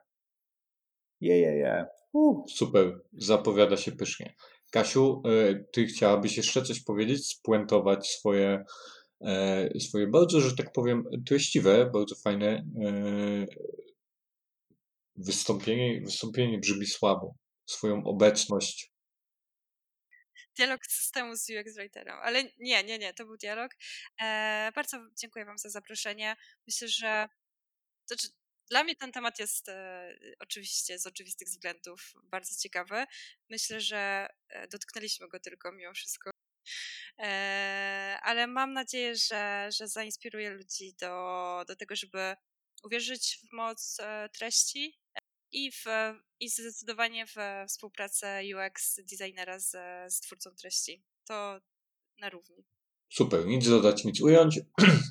No dobrze, to na koniec jeszcze mamy taki zwyczaj, że y, jeżeli mamy albo przeczytaliśmy ostatnio jakąś fajną, ciekawą książkę, e, to o niej mówimy albo istotną w kontekście, kontekście na przykład UX ratingu, albo istotną w ogóle. Hmm? Ja mogę pierwszy. Kojarzycie Janinę Bąk? Oczywiście. Kojarzycie na pewno.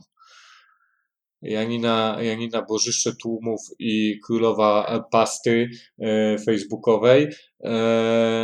Janina wydała książkę o statystyce w przystępnym języku. Książka wygląda jak tabliczka czekolady otworzona. E, ja ją czytam e, cyfrowo jako e-book i jest fantastyczna, roi się od barwnych porównań i bardzo fajnie się to czyta. Bardzo, bardzo polecam. Nie chcę, nie chcę mówić za dużo, bo, bo trzeba to wziąć do ręki i przeczytać. Ona to jest drobna pozycja, albo jak ktoś łyka książki takie papierowe w toalecie czy, czy w łóżku przed spaniem, no to, to szybciutko. E, wiesz co, ja e, zacząłem, e, teraz tego szukam The Power of Habit autora Charles Duckig, jak, jakoś tak, czy de facto troszeczkę o człowieku, o tym, jak nasze zwyczaje działają i jak możemy E, że de facto to jest tytuł Why We Do What We Do and How to Change. E, myślę, że bardzo fajne, troszeczkę też e, zaczynam ostatnio, zauważyłem, że zaczynam odchodzić od takiej literatury branżowej, UX-owej, bo jestem ją trochę zmęczony, jest mało takich pozycji, które są fajne i właśnie idę troszeczkę w takie tematy psychologii behawioralnej, same, samej psychologii i w ogóle troszeczkę innych książek. I, I myślę to zresztą, co Kasia mówiła, że warto jest czytać e, różne książki, czy, czy oglądać różne treści, bo to otwiera nam e, umysł na e, nowe, nowe doznania. I, I, polecam, też jestem na początku, na początku tej książki, ale Ja z kolei mam tak, że nie wkręcam się w jedną książkę i na moim stoliku raczej leży ich kilka i zgodnie z nastrojem czytam parę stron jednej i parę stron drugiej, potem zwykle zasypiam. E... Trochę ci tego zazdroszczę, ci powiem. Takiego y, przerzucania wątków sobie, bo ja jak biorę książkę, to ja muszę przeczytać, nie? I dopóki jej nie przeczytam, nie wezmę kolejnej.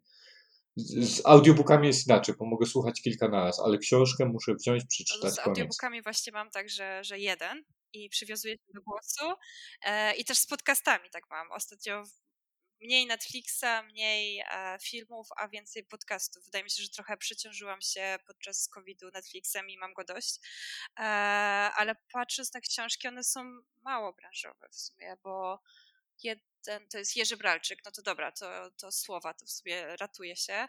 Jest taka książka Tysiąc zdań polskich, nie, Tysiąc słów polskich. Tysiąc słów polskich. I on e, wybrał sobie właśnie tysiąc słów, które e, interpretuje i opisuje po swojemu, tym swoim takim czasami sarkastycznym, trochę E, ironicznym i oczywiście pełnym wiedzy historii, literatury i języka, e, więc warto przeczytać, nawet jeżeli ktoś się nie zajmuje słowem, to myślę, że to może być fajna lektura. A druga, znowu wracamy do win e, i bardzo polecam osobom, które, które się interesują tym tematem. Jest na Instagramie taki profil Wine Folly i ta para, którego prowadzi i też portal, który jest bardzo ceniony w branży, wydała książkę, która jest połączeniem takich wizualnych, pięknych rycin na temat e, szczepów i, i smaków i tego, jak podawać i, i smakować wino, z fajnymi, krótkimi mikrokopii w sumie, e, które to uzupełniają. Więc to jest taka uczta dla, e, dla oka bardzo, bardzo fajna. Więc polecam. Bralczyk, Bralczyk Ekstra na pewno, na pewno następna pozycja. Będę montował odcinek, to sobie zapiszę, żeby, żeby zakupić to, e, bo to brzmi, brzmi bardzo dobrze. Ja zresztą Bralczyka lubię, on jest e, właśnie taki troszkę sarkastyczny, ironiczny, super osobowość. E, no wina to nie mój ten. W ogóle ja mam dygresję, słuchajcie, a propos książek, bo jak ja zawsze słucham, jak ludzie opowiadają o książkach, co czytają, co będą czytać, co przeczytali i tak dalej, i tak dalej, e, to zawsze się zastanawiam, mam takie myśli, kurczę, jak oni znajdują te dobre pozycje, nie? E, albo, bo ja mam zawsze problem z wyborem książki, nie? Straszny mam problem i to jest zawsze taka loteria, a że muszę przeczytać każdą książkę, którą wezmę do przeczytania, e, no to e, później się męczę straszliwie i, i, i się tak zastanawiam. E, tu myślę, Piotr, jest ciekawy temat na jakiś odcinek, tylko kogo byśmy mogli zaprosić, żeby nam powiedział o tym rozumnie, żebyśmy sobie nie gdybali za bardzo. Kogoś od nawyków może, nie wiem. Nie wiem. No dobra. Kurde, to jest to e, ciężki temat, e, nie wiem. Wiesz co, możemy, e, to jest w sumie nawet dobry temat, wypuśćmy ankietkę, co czytają UX designerzy i myślę, że dostaniemy ciekawe pozycje. Ja tutaj stawiam bardzo mocno na literaturę na temat win. Widzę, że temat się rozwija już z podcasta na podcast. Myślę, że coś w tym jest. To jest jakieś ukryte. Myślę, że powinniśmy odkryć ten temat, bo są różne ankietki na temat UX, ile zarabiamy, co robimy, gdzie się uczymy, a co robimy to, a tutaj już samochody, wina, e, więc e, coś się dzieje, coś się dzieje fajnego w tej branży. Tak jest. Kasiu, to niniejszym dziękujemy Ci serdecznie, było fantastycznie, Piotrek się chyba ze mną zgodzi. Tak. Bardzo Ci dziękujemy za, za dobre słowo, nomen omen, które padło u nas wielokrotnie dzisiaj, czy tam dobre słowa. No i co, żegnamy się z Wami. Do usłyszenia w następnym odcinku.